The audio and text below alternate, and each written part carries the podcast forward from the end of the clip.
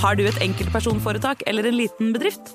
Da er du sikkert lei av å høre meg snakke om hvor enkelt det er å sende faktura med fiken. Så vi gir oss her, fordi vi liker enkelt. Fiken superenkelt regnskap. Prøv gratis på fiken.no.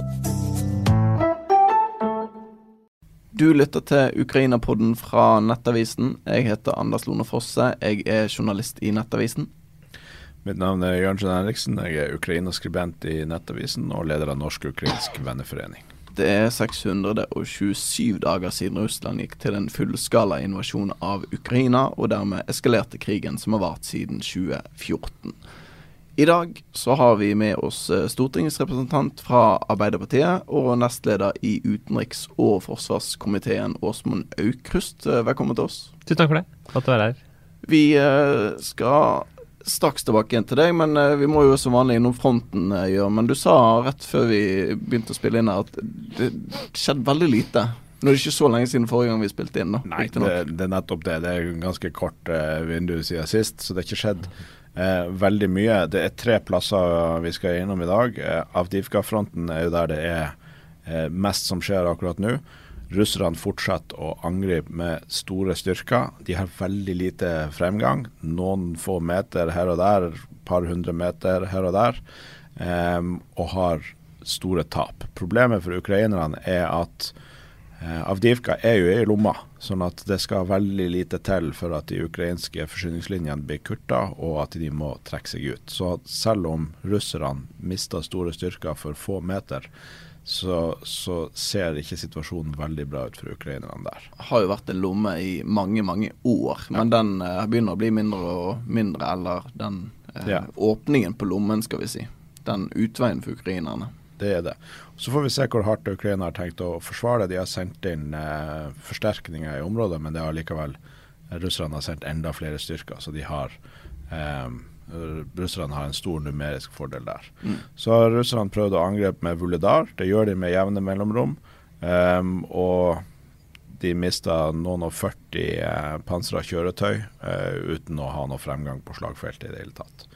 Men den interessante nyheten som, eh, som har gått på, på, Twitter og troverdige kilder, jeg leste på tysk, men det er at Ukraina har flytta et NASAMS luftvernsystem over Dnipro til eh, brohodet de har der. Og Det viser en ganske tydelig intensjon at de kommer for å bli. Det beskytter dem fra, fra luftangrep og glidebomber fra, fra russiske flyvåpenet. Eh, og, og, det er egentlig naturlig at de gjør det, for at en sånn, sånn eh, et sånt brohode som de har laga på, på sørsida av elva, vil være sårbart for, for luftangrep. Eh, men det er en type utstyr som de ikke har mye av, og som er ekstremt verdifullt for, eh, for, Ukraina. Så det viser at de er villige til å ta risiko, og at de, de, de har intensjoner på, på den sida av, av elva. Ja, når du sier det beskytter de mot luftangrep, da snakker du om styrkene som allerede er ja. på sørsiden? Så de har valgt å eh, og, og, det har ikke de gjort så ofte. Som regel så har de brukt de her avanserte vestlige luftvernsystemene som de har fått til å beskytte sivilbefolkning og byer. Men da har de tatt det helt fram til fronten for å beskytte styrkene sine. Og Det kan også være en indikasjon på at de har tenkt å, å gjøre mer avanserte forsøk på å få til midlertidige broer og få til tyngre eh, utstyr over elva. Og, og da, da, kan det begynne å, å, skje ting, for at uh, de russiske forsvarslinjene er ikke i nærheten av så avansert her som de er andre steder langs fronten. Mm. Og uh, jeg sjekket kjapt nå uh, før vi gikk inn i studio, så bare tok jeg sveip gjennom de ukrainske kildene som jeg har uh, i sosiale medier. Og det er utrolig mange videoer av styrkeforflytning over elv som mm. Altså, jeg har aldri sett noe lignende før. Det er veldig mye av det, kontra hvordan det har vært gjennom resten av krigen. Det en, kan være en ny fase vi er på vei inn i, rett og slett. Det kan det. Peter har jo vært der nede og levert båtmotorer nettopp. Så, eh, så, så, det er jo men, men, det blir interessant å se da om det her er reelt, at de har tenkt å, å virkelig eh, satse her, eller om det er sånn eh, eh, Tordenskjold-soldater. At, eh, at de pøser på med videoer i sosiale medier for å gjøre russerne nervøse. Mm. Og når du sier Peter, så er det selvfølgelig Peter Frølich som ja. var på besøk her i forrige episode, og som også snakket om denne troppeforflytningen mm. mot eh, Avdivka. Han eh, sa vinket farvel til noen, så omtrent noen som skulle forflyttes over, da. Som, han, som han håpte å se igjen i livet, som han sa. Vi skal hoppe litt tilbake igjen i tid, Åsmund. Uh, du er som sagt nestleder i utenriks- og forsvarskomiteen. Det er jo en tid der det um, Altså, det, det, er mye ansvar. Det er utrolig viktig um, arbeidsoppgaver du sitter med. Og um, du var jo uh, på besøk uh, du også i Ukraina for ikke så lenge siden. Et års tid siden. Det er et års tid siden, ja. Drøyt et år. Jeg var der på eh, markeringa av det som jo både var et halvt år siden krigen starta, og nasjonaldagen. Eh, så det var jo 24. august.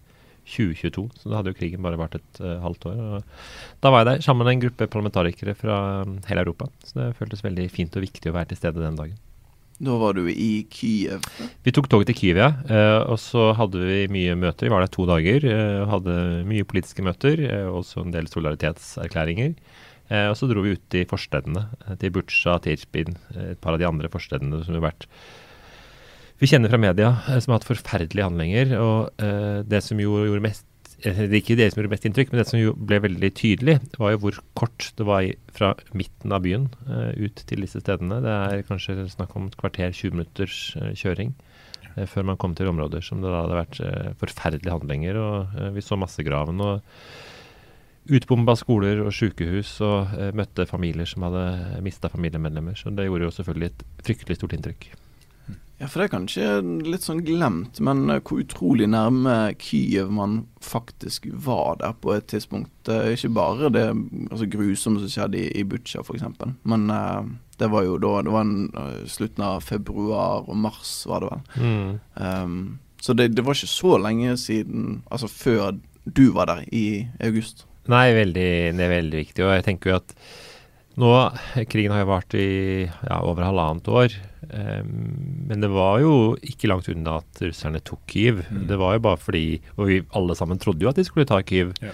uh, i starten av krigen. Uh, så det viste jo hva slags enorm motstandskraft som var i den ukrainske befolkning. Og det var vel da vi skjønte at dette her kunne ukrainerne slå tilbake på. Mm. Uh, det var vel veldig mange som trodde at dette her kom til å gå fryktelig galt for ukrainerne.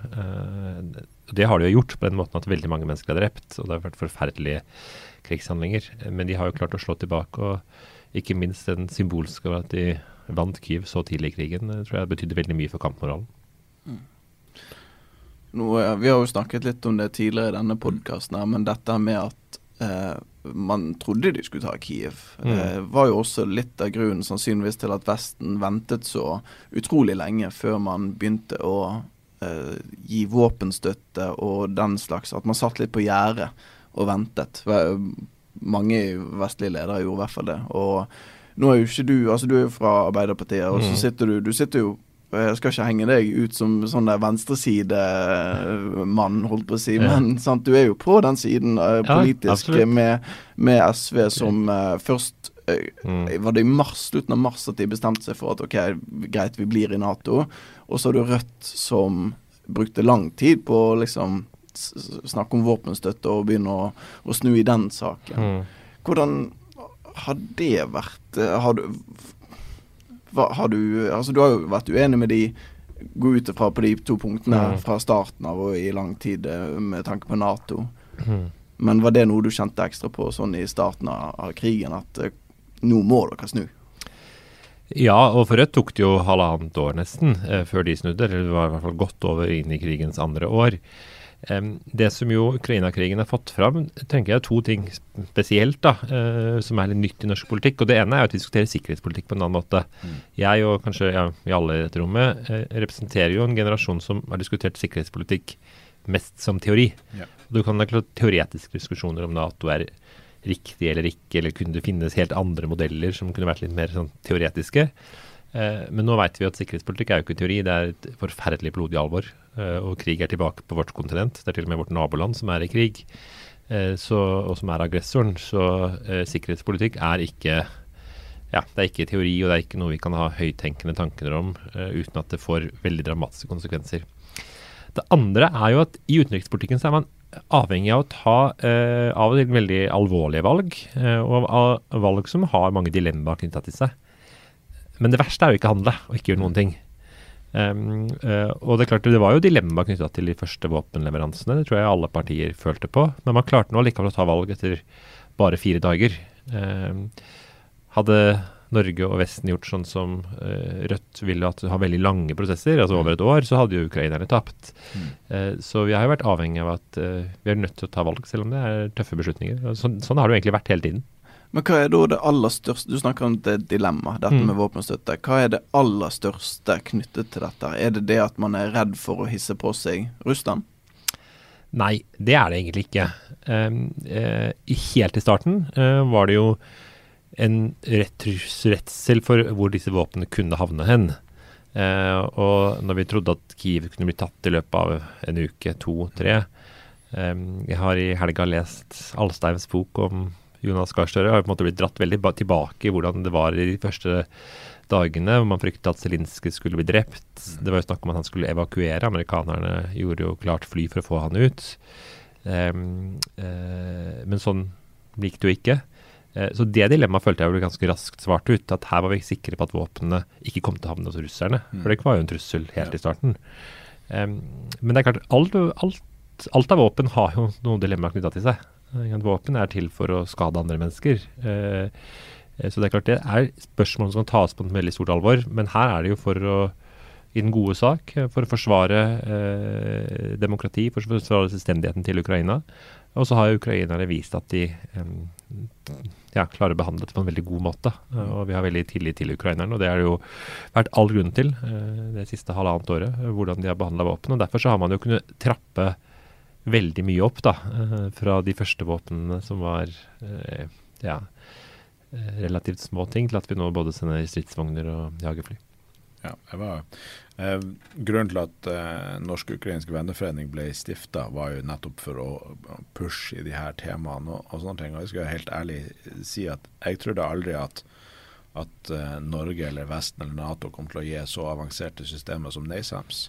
Eh, men nå er de liksom Nå er det ikke bare i Ukraina, men det er helt, helt, helt ved fronten. Mm. Så, så, det har jo skjedd ting. Men jeg, jeg syns det er veldig interessant det du sier, og det merker jeg også at vi har For en del år tilbake så hadde vi diskusjoner i Norge om sikkerhetspolitikk, om det, særlig eh, når Norge hadde styrker i Afghanistan, om, om eh, forskjellen på offensiv og defensiv krigføring og, og, sånn. Og det er jo litt sånn kunstige skiller som på en måte har forsvunnet nå i, i denne konflikten. for at vi hadde jo også den diskusjonen, særlig, særlig med Rødt, da, om mm. offensive og defensive våpen. Men det er litt sånn Hva er det? Det er hvilken retning du skyter ethvert eh, off offensivt. Alt, alt heter jo forsvar. Ja, ikke sant. Ja. Et, et, um, jeg syns uh, Geir Hågen Karlsen hadde på Debatten på NRK en veldig god forklaring av det her. At et våpen som skyter langt inn i Russland og treffer den basen som de angriper den ukrainske sivilbefolkninga ifra,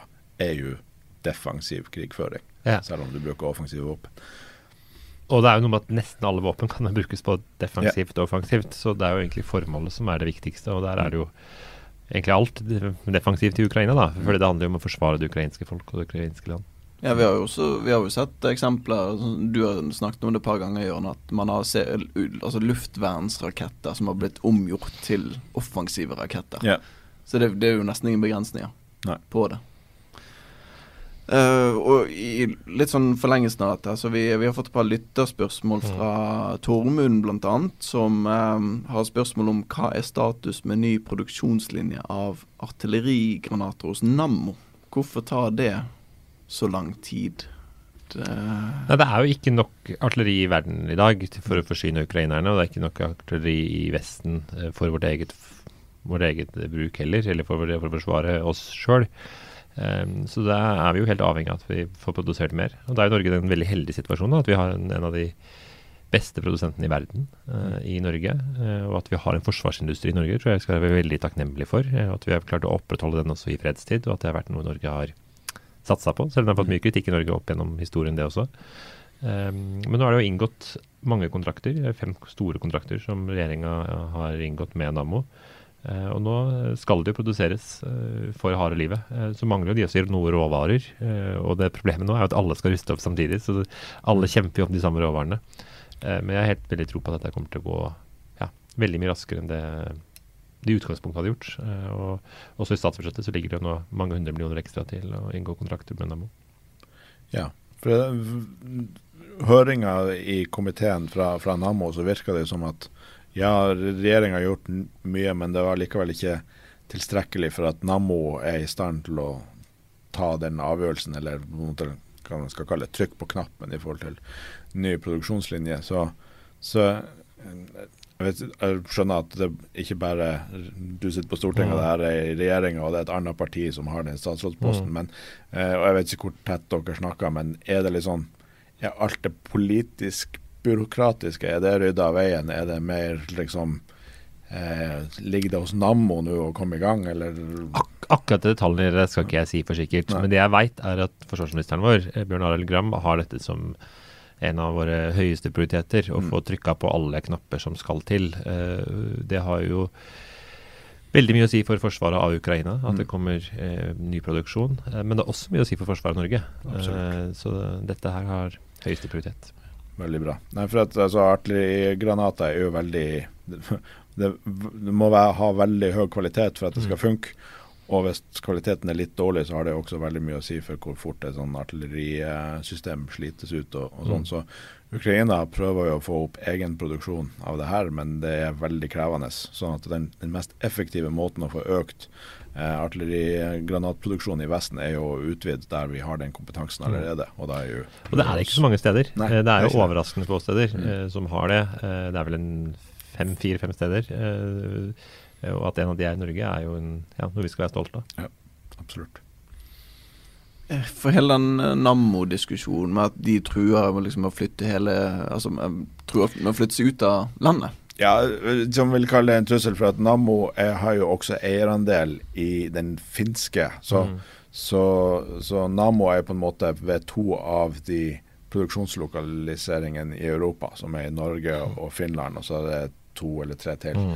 Eh, så jeg tror det er mer sånn at de ser på om det er raskere å bygge opp enda mer produksjon i Finland. Mm. Eh, jeg tror aldri det har vært snakk om å, å, på en måte skulle stoppe produksjonen i Norge. Men hvor skal den nye produksjonen finne sted? Og forhåpentligvis er det både i Finland og Norge, for jeg tror alle må produsere mer. Absolutt alle må produsere mer, eh, men at det kommer til å bli mye ny produksjon på Raufoss, det føler jeg meg nesten helt sikker på. Eh, og det, der har vi jo fantastisk fagmiljø eh, som ja, står klare til å produsere mer, og det må vi nå utnytte. Ja, men det, det jeg skulle inn på, eh, var jo at denne saken blusset opp i slutten av oktober. Eh, mm. Den eh, med at de nå ser det kanskje andre steder. Mm. Eh, og det er jo da midt i altså denne krisen eh, som også har blusset opp nede i Midtøsten. Mm. Altså det er flere steder det skjer ting nå som mm gjør det ting vanskeligere? At uh, oppmerksomheten flyttes på en måte fra, vekk, litt, litt i hvert fall vekk fra Ukraina? Vanskeligere blir det jo egentlig ikke. Uh, og jeg tror Ukrain, den ukrainske saken ligger så høyt oppe i bevisstheten til, uh, til nord nordmenn. og vi ser jo hva slags fantastisk innsats som gjøres rundt i Norge for å bl.a. ta imot ukrainske flyktninger. Um, og hvor mye på en måte, støtte og solidaritet det er til den ukrainske sak. Men det er klart det er jo en fare at, at mindre oppmerksomhet gjør at man tenker mindre på det. Mm. Eh, og hvis du skrur på nyhetene nå, så er det jo nesten ikke noe om Ukraina i det hele tatt. Det er om det som skjer i Midtøsten. Um, og det er jo ikke så rart. Heldigvis, har vi, heldigvis har vi Ukraina-podden. heldigvis har vi Ukraina-podden. det, eh, eh, det, er det skal dere ikke skimse så for mye med, for jeg tror det bare er veldig viktig å ha ulike plattformer for å fortsatt diskutere det som jo for norsk sikkerhet er det aller viktigste, nemlig krigen i Ukraina. Eh, og at det er jo eh, ja, forferdelige handlinger, krigshandlinger som foregår hver eneste dag. Eh, men jeg er jo redd for at dette kommer til å ta mer oppmerksomhet. og Derfor så mener jeg at det er jo flere land som blir gjort det som Norge har gjort. Eh, med Nansen-programmet, eh, hvor vi sier at vi skal stille opp i fem år. Eh, eller vi skal, stille opp så lenge ukrainerne har behov for det, og at vi er klare til å forplikte oss. Også selv om oppmerksomheten kommer til å gå litt opp og ned. Mm. Eh, for sånn kommer det jo til å være. Eh, og Derfor så er det bra at Norge har Nansen-programmet som alle partier nå står bak, og at det har en varighet på fem år. Eh, Zelinskyj sa jo det når programmet ble lansert, at størrelsen er viktig, for det er en stor pakke. 75 milliarder kroner. Men det aller viktigste det er signalet om at vi kommer til å stå i dette her så lenge det er behov for det. Ja, men vi ser jo også at våre lyttere er jo eh, veldig oppdatert på mm. situasjonen og, og, opptatt av å se det store bildet. Eh, et lytterspørsmål fra Jan her. Han skriver det at USA er jo den viktigste bidragsyteren av militært utstyr til Ukraina. Det er imidlertid stor usikkerhet rundt landets fremtidige bistand. Spesielt i en situasjon hvor Trump skulle bli valgt som eh, ny president, som han jo eh, er favoritt per dags dato. Bør Europa i denne situasjonen ta større ansvar for å sikre den militære hjelpen til Ukraina, spør Jan. Og så legger han til hva betyr dette i forhold til økonomiske bidrag, men også europeisk produksjon av materiell. Er, vi, mm. er vi for avhengig av, av USA? Altså, Europa tar jo et veldig stort ansvar. Um, og jeg tror, dette vet sikkert dere bedre enn meg, men jeg tror vel at i hvert fall nå er det jo sånn at min, over halvparten av støtten kommer fra europeiske land. Absolutt. Um, så uh, Europa stiller jo veldig opp, selv om vi er jo fortsatt veldig avhengig av USA. da. Mm. Det er jo, ja, Hvis vi sier at vi tar litt over halvparten, så er det jo en betydelig del igjen uh, til amerikanerne. Uh, og jeg tror jo mange av oss er bekymra for prosessen frem mot valget i USA. Uh, jeg vet jo at det ble gjort noe veldig god jobb fra, både fra ukrainerne, fra Stoltenberg, fra andre, med å sikre veldig brei støtte mm. i begge partier um, til Nato, til uh, ukrainernes sak. Um, men alt som kan politiseres, blir jo veldig ofte politisert i den amerikanske valgkamp. I mm. hvert fall med Trump. Ja. Um, så det understreker jo bare viktigheten av å at Europa fortsetter å stille opp, at vi fortsetter å snakke mye om det. Eh, også snakke mye med amerikanerne. Eh, forplikte amerikanske politikere fra begge partier til å fortsatt stå ved dette. Eh, og ja, gjøre det vi kan for at eh, USA fortsatt vil være en stor bidragsyter i Ukraina. Ja, altså Europa har jo nå gitt mer enn en, uh, USA har gjort, uh, og, og, gir mye penger. Men det er der vi uansett vil trenge de for at og det er jo det vi snakka om i stad, det er jo produksjonskapasitet når det gjelder militært materiell. For at i Europa så har vi rett og slett ikke den samme kapasiteten som, som de har i USA. Så det vil jo være eh, krevende på sikt hvis de på en måte melder seg litt, melder seg litt av eh, det her. Men, men, så er det jo litt sånn sprik i Europa også. Vi har jo Tidlig så var Storbritannia veldig langt fremme og, pusha ikke bare, ikke bare med hva de ga, men også liksom den politiske pushinga på nye våpensystem. De var først med stridsvogner, de var og dingla noen eurofightere som etter hvert fikk bidro til at man eh, nå skal gi F-16 og, og, sånne type ting. Og så har vi ja, noen sterke ledere i Øst-Europa, eh, men de er avhengig av Vest-Europa og sånn. Men hvis man ser på, eh, på en skala fra Storbritannia til, til eh, Frankrike, hvor tenker du at Norge burde ligge i forhold til hvor langt fremme i, i skoen burde hun være på å på push politisk på, på nye systemer og, og, den type problemstillinger? Nei, Jeg tenker at Norge skal være langt framme. Um, og at uh, det gjør Norge nå. Uh, og er langt framme både med donasjoner. I starten så var vi kanskje litt mer sånn midt i, og hadde mm. kanskje det som en Eh, ja, om ikke et uttalt mål, så eh, var vi på en måte fornøyde med å ligge omtrent midt i. Mm. Etter hvert så har vi jo ligget lenger og lenger framme. Eh, og jeg tenker at Norge også gjennom Nansen-programmet ligger jo veldig langt framme med å mm. forplikte oss over mange år. Og et område hvor vi jo nå ligger veldig langt framme, det er jo med bosetting av ukrainske flyktninger. Mm. Nå kommer det jo flere flyktninger til Norge enn til alle de andre nordiske landene til sammen. Eh, så det er jo også en veldig stor solidaritetshandling da, som kommer fra, først og fremst fra norske kommuner og frivillighet. Mm. Men det er et annet poeng. da, Vi, vi ser jo at det er, det er vel kanskje Fortsatt er det jo veldig stor støtte til Ukraina mm. i, eh, i, Europa og i Vesten. Men det jeg er bekymra for, det er jo at eh, krigen i Midtøsten eh, gjør at vi blir mer delt. Ja. Um, en ting er at land i Europa har valgt litt forskjellig inngang Eh, til eh, og litt forskjellig analyse og synspunkter om hva som skjer. Det viste jo bl.a. den avstemninga i FN. Um, men det jeg er også bekymra for, er at dette skal bli et sånn Vesten mot resten. Uh, og at uh, resten av verden sier at uh, dere bryr dere ikke om Gaza. Da, da forsvinner legitimiteten også til ukrainernes sak. Mm. eh, jeg har i helga møtt eh, sosialdemokratiske partier fra hele Europa og jeg er opptatt av å si at vi må vise at vi ikke har doble standarder. Eh, for det handler også om støtten til Ukraina. Eh, at vi må stå opp for folkeretten uansett eh, hvem det er som eh, gjør brudd på den. Ja, Eh, det, det, handler om støtte til ukrainernes sak også. ja, for det var jo poenget som ble dratt ganske tidlig, husker jeg. At uh, når Ukraina fikk den voldsomme støtten, så var det mange som var bare sånn Ja, men hva, hva med Syria? For det, altså, det er ingen som brydde seg om Syria før, og nå er jo plutselig Ukraina Mm. så viktig. Mm. Så det, det er en forlengelse av den Ja, altså, jeg, jeg tror Jeg syns ikke det er noe rart at nærhet til hvor det skjer, har noe å si for jeg si, følelsene våre, Mm. eh, eller viljen til å eh, bidra. Eh, hadde det skjedd i Sverige, så er jeg helt sikker på at mm, alle vi rundt bordet her, og de fleste i Norge, hadde hatt svenske boende hjemme hos seg. Mm. Eh, fordi det hadde vært enda nærmere. Så at nærhet har noe å si, er ikke så rart. eh, også fordi det får mer å si for vår egen sikkerhet. Men eh, prinsipielt er det jo ikke noe forskjell. Brudd på folkeretten er like ille uansett hvor det foregår. Og et menneskeliv er et menneskeliv uansett på jorda. Og jeg er jo redd for at en del skal si at ja, palestinske liv ikke er like mye verdt. eh, Og at da vil det kanskje også kunne bli en større motstand eh, mot støtten til, til ukrainerne fra fra resten av verden.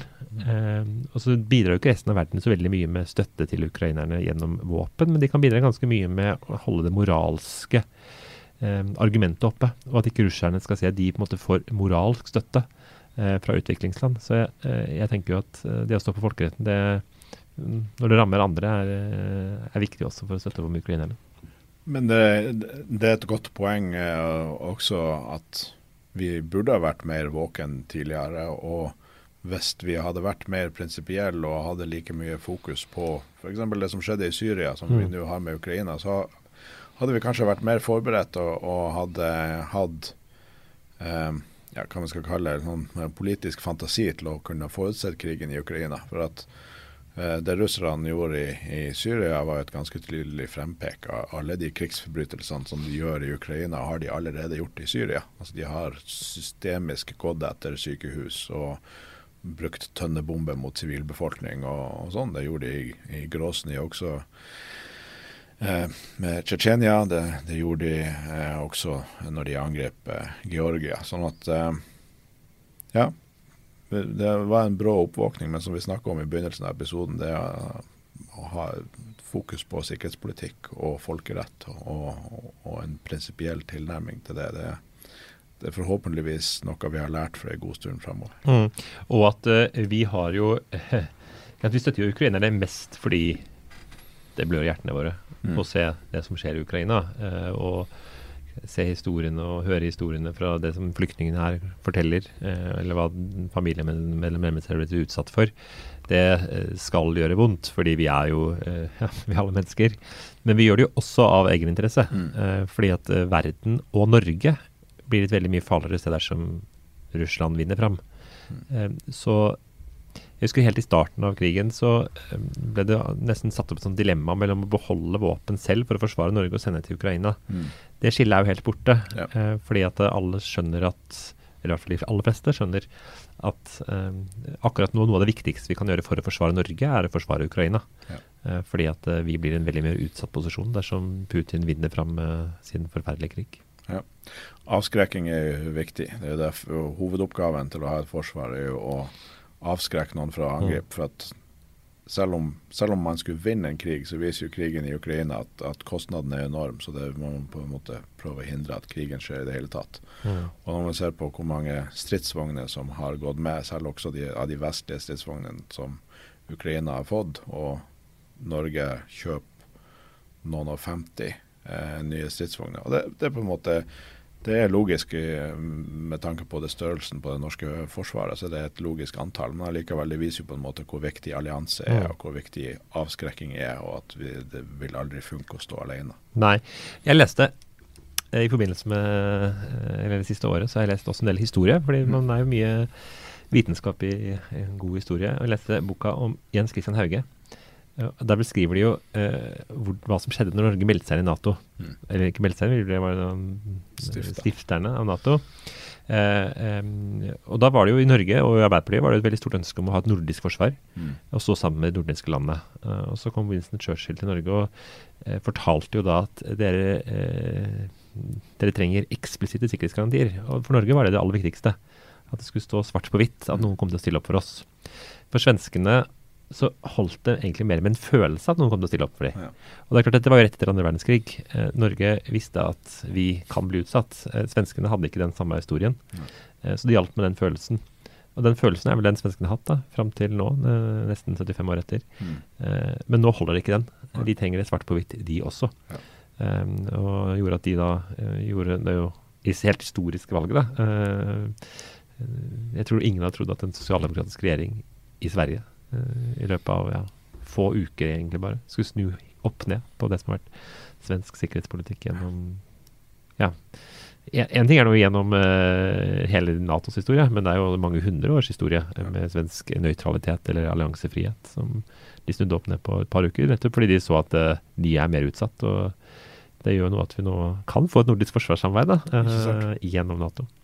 Betyr det også, betyr, Er det den endelige spikeren i kista for å ta tilbake Jämtland her i dag? At Sverige nå får Nato-beskyttelse? Ja, det er kanskje det. Ja. Uh, men det er klart, det åpner jo for veldig mange muligheter, uh, nå som Sverige og Finland går inn i Nato. Mm. Uh, og at vi kan se Norden mye mer under ett. Ja.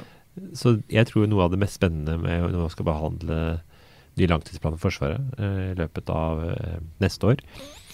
Eh, så er det jo med et veldig, veldig alvorlig bakteppe, og det kommer til å være forventning om, og som jeg er helt sikker på at regjeringen kommer til å innfri, er om at vi skal satse veldig mye med Forsvaret. Mm. Men det gir også mange nye muligheter, nå som hele Norden er i samme allianse. Kan vi være en liten nordisk maktfaktor innad i Nato også? Ja, det kan vi jo. Uh, og jeg tror jo at Norge er kanskje det landet som bør ta mest ansvar for det internt mm. i Norden. Fordi uh, har noen, nei, Svenskene har nok helt tatt kommet seg i Nato. Uh, finnene er jo helt i startfaten, de også. Det er mye å sette seg inn i. Norge har ja, 75 års historie som Nato-medlem og kan ta litt ledelsen på se på mulighetene på hvordan vi kan styrke forsvaret vårt ved å samarbeide mer med de andre nordiske landene. Mm. Litt av dette med samarbeid og forsvar også. Et spørsmål fra Andreas. Eh, det kan vel gå til deg, Jørn. For det, altså Vesten har sendt en rekke tanks til Ukraina i år. Mm. Og um, vi, vi, har, vi, ventet jo lenge på dette her i vårparten, husker jeg. Leopard. sant? Det var side opp og side ned. Endelig skal Ukraina få masse leoparder. De har fått leopardene sine. Men hvordan har disse utmerket seg i kamp, og hvor mange av disse har Ukraina mistet i denne perioden, spør Andreas. Det korte svaret på det er at de har utmerka seg først og fremst med at forskjellen på Leopard og vestlige stridsvogner på kontra sovjetisk og postsovjetisk design, er at når stridsvogna går tapt, så overlever crewet. Um, det viste seg de, de, prøvde i begynnelsen av den ukrainske offensiven med noen større pansra angrep. Fordi de russiske minefeltene var mye lengre enn noe vi noensinne har sett i, i kamp. Det er noen minefelt på Korealøya som er enda større, men de har jo aldri vært brukt, for de kom etter Koreakrigen. Men, men all doktrine, alle systemer vi har, alle mineryddingsplaner, det de som har vært på førstegangstjeneste i Norge, har, har øva på. og sånn. De er laga for minefelt som er mindre brede enn de som ble, de ble møtt med i Ukraina. Så de lyktes ikke med den type manøverkrigføring. Og de har tapt en, en solid andel. Nå husker jeg ikke i hodet, men det er Cirka prosentandel? Ja, prosentandel vet jeg ikke, men de har nok eh, Og så er det mange som de har tapt som står som tapt og er dokumentert tapt, er også blitt henta og reparert. Eh, så en del titalls Leopard-stridsvogner er gått tapt. Eh, og, hvor, og, og, hvor, mange av de som, som er blitt reparert, det, det, vet vi ikke. Men der er det, og, og, der tror jeg også at folk hadde litt sånn urealistiske forventninger. For det var liksom en sånn tanke om at ja, men Vestens stridsvogner de er så bra at de kan bare mose gjennom, og så, og så vinner de alt. Men, men også en vestlig stridsvogn blir ødelagt av ei eh, antistridsvognsmine. Men, men, den store forskjellen er altså at som regel så overlever crewet, og de har ofte ikke veldig harde skader. Og det gjør jo at et ukrainsk stridsvognscrew blir mer og mer erfaren og lever lenge og, og, eh, og blir dyktig. Mens på russisk side så dør de. Så, så, det er hovedforskjellen mellom de to. Og så får vi se om Ukraina, enten i løpet av vinteren eller kanskje neste år, forhåpentligvis på et eller annet tidspunkt, klarer å få til et såpass stort gjennombrudd at de kommer forbi de her veldig tykke minefeltene, sånn at de, de får brukt stridsvogn på den måten som de er ment å brukes til. Um, det vil nok kanskje også kreve uh, ikke uh, herredømme i luften, men at, uh, at, Ukraina i større grad også kan forsvare dem på bakken med, med vestlige jagerfly. Um, så det at de får F-16, at de får F-16 forhåpentligvis med oppgraderte radar og sånne type ting, det, det, det, vil nok være viktig for sånn fremtidig eh, manøverkrigføring. Ja, Du lovte i forrige episode at vi skulle svare på dette med Jazz eh, 39 Gripen, ja. som jo er gresk for eh, 99% av oss. Men ja. eh, jeg vet at dette er noe du eh, har lest deg litt opp på. For dette er, altså, det, det er et jagerfly på lik linje med amerikanernes F-16. Ja, altså begge to er fjerdegenerasjons jagerfly, eller man har ofte omtalt den siste versjonen av JAS Gripen som 4,5-generasjon. Norge vurderte jo det flyet da vi eh, landa på eh, F-35, så det er et veldig kapabelt jagerfly. Eh, og, og, så er det sånn nå at eh, med moderne luftkrigføring så er det litt sånn Skroget er en veldig liten del av flyet. Det er på en måte den programvaren og de våpensystemene du har på det, som, eh, som har noe å si. Så en ny, altså De produserer fortsatt F-16 i USA. Så en ny F-16 og en uh, ny JAS Gripen de er omtrent like gode. Men de flyene som Sverige vurderer, og som de trener ukrainske piloter, og det er nok ganske nært at de gir det til Ukraina, de, og det virker som de har tenkt å gi de siste versjonene av JAS Gripen, det er et bedre fly enn de norske F-16 som havna i Ukraina. Men hvis vi eh, gjør en oppgradering og pakker en helt ny radar i fronten på de eh, 40 år gamle norske F-16, så vil de være mer likestilt. Så Det er vanskelig å si at det ene er bedre enn det andre. altså Ja, Skripen er nok eh, totalt sett eh, bedre enn de F-16 som, som Ukraina får nå. Men Bakdelen med jazzgripen er at det er ikke så mange av de. Hvis de blitt opplært og, og, får, og, og lykkes med å bruke F-16, så, så, finnes det veldig mange F-16 i verden. Så det er fordelen med å, at de også får F-16. Mm. Da håper vi Klaus har fått uh, svar på det lytterspørsmålet.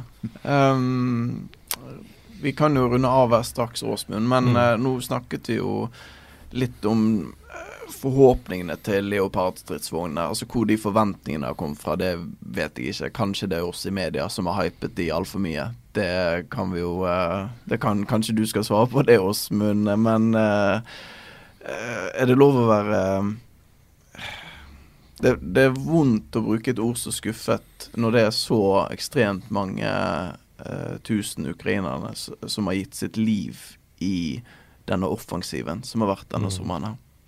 Men er det den følelsen man sitter litt igjen med fra vestlig hold når uh, vi har snakket om den offensiven i lang tid? Det er få steder hvor de har tatt mer enn 8-10 km uh, på det meste. Hadde vi, hadde vi, forventet mer? Det er litt vanskelig å svare på, syns jeg, uh, hva vi egentlig hadde forventa. Eh, men vi hadde jo iallfall håpa eh, på at det skulle komme, ha kommet lenger. Um, og jeg tenker at noe av det viktigste for å fortsette å uh, holde innsatsen oppe, er jo at dette er noe vi aldri må venne oss til. Uh, og at det er en sånn fare med at vi venner oss til at det er krig i Europa, uh, og at krigen i Ukraina er dagligdags. Vi må fortsette å bli opprørt og forbanna og desperate når vi ser de bildene og hører de historiene vi gjør fra, fra Ukraina. Uh, for dette kan vi aldri, aldri venne oss til. Um, ukrainerne har jo veldig mange fordeler ved at de er et veldig motivert folk. ved at de får mye vestlig støtte og fortsetter å få eh, støtte av en ja, veldig eh, god teknologi.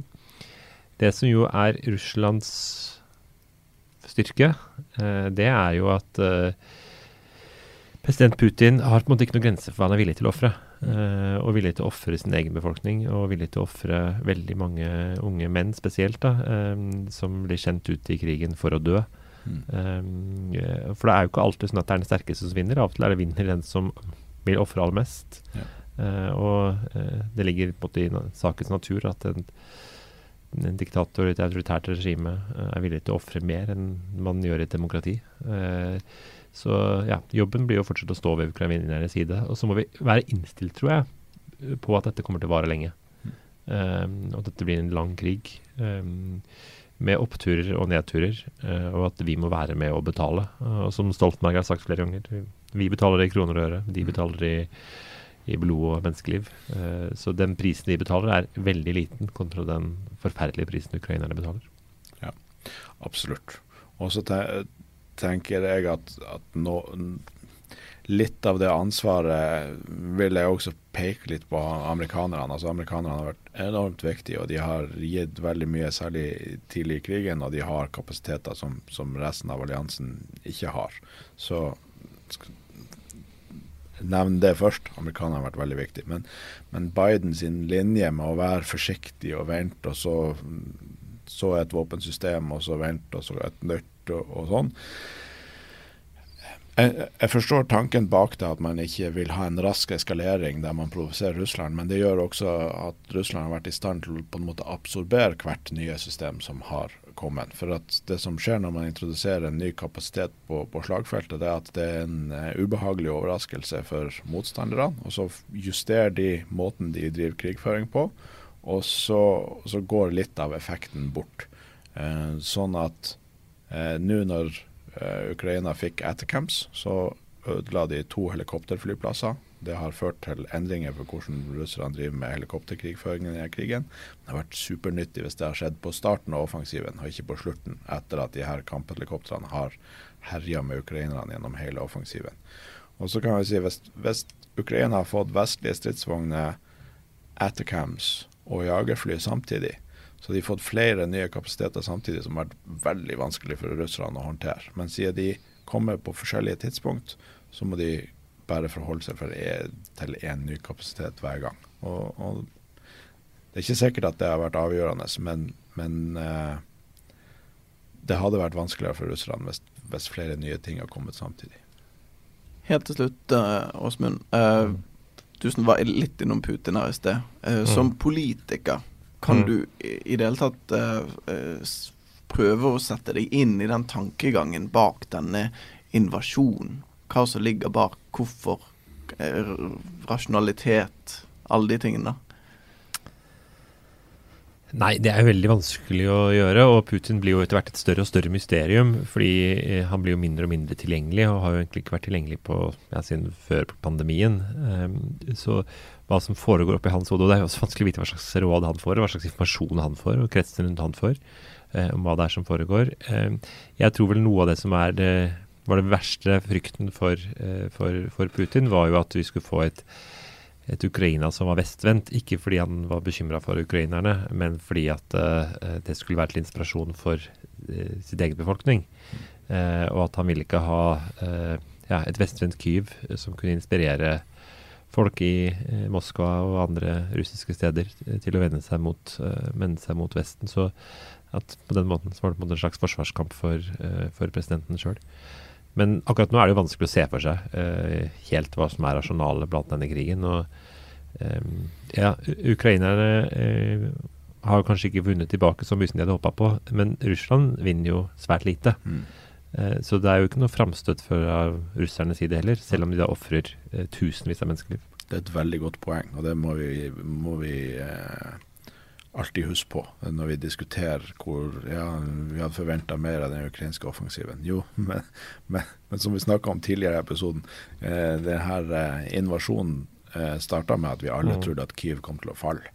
Og nå diskuterer vi at den ukrainske fremgangen er for liten. Mm. Eh, og de, de, de slåss mot eh, den geografisk største nasjonen i verden, som også har ja, jeg har noen beregninger på at de kanskje har 400 000 soldater inne i Ukraina, russerne. Så det, mm. det, det, viser noe om skalaen på det de slåss imot.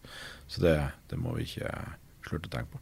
Men jeg, jeg tror du har et veldig godt poeng med, med, i hvert fall en del av motivasjonen til Putin. Mm. For at eh, jeg som snakka veldig bra om det her, en partikollega av deg, Jette Christensen, mm. hun, hun, bruker å si i sine foredrag at demokrati er smittsomt. Mm. Og han, eh, det er ikke bare koronasmitte han Putin er redd for, han er mm. også redd for denne demokratismitten. Så, eh, så, så han, han, blir nok nervøs av at eh, det liberale demokratiet kryper opp under grensen hans. Mm. Det, demokratisesongen nærmer seg, så husk å vaksinere deg ja. i tide. Det må være lov å advare om det. Åsmund Aukrust, eh, nestleder i utenriks- og forsvarskomiteen og stortingsrepresentant fra Arbeiderpartiet, tusen takk for at du kunne stille her i Ukraina-podden i dag.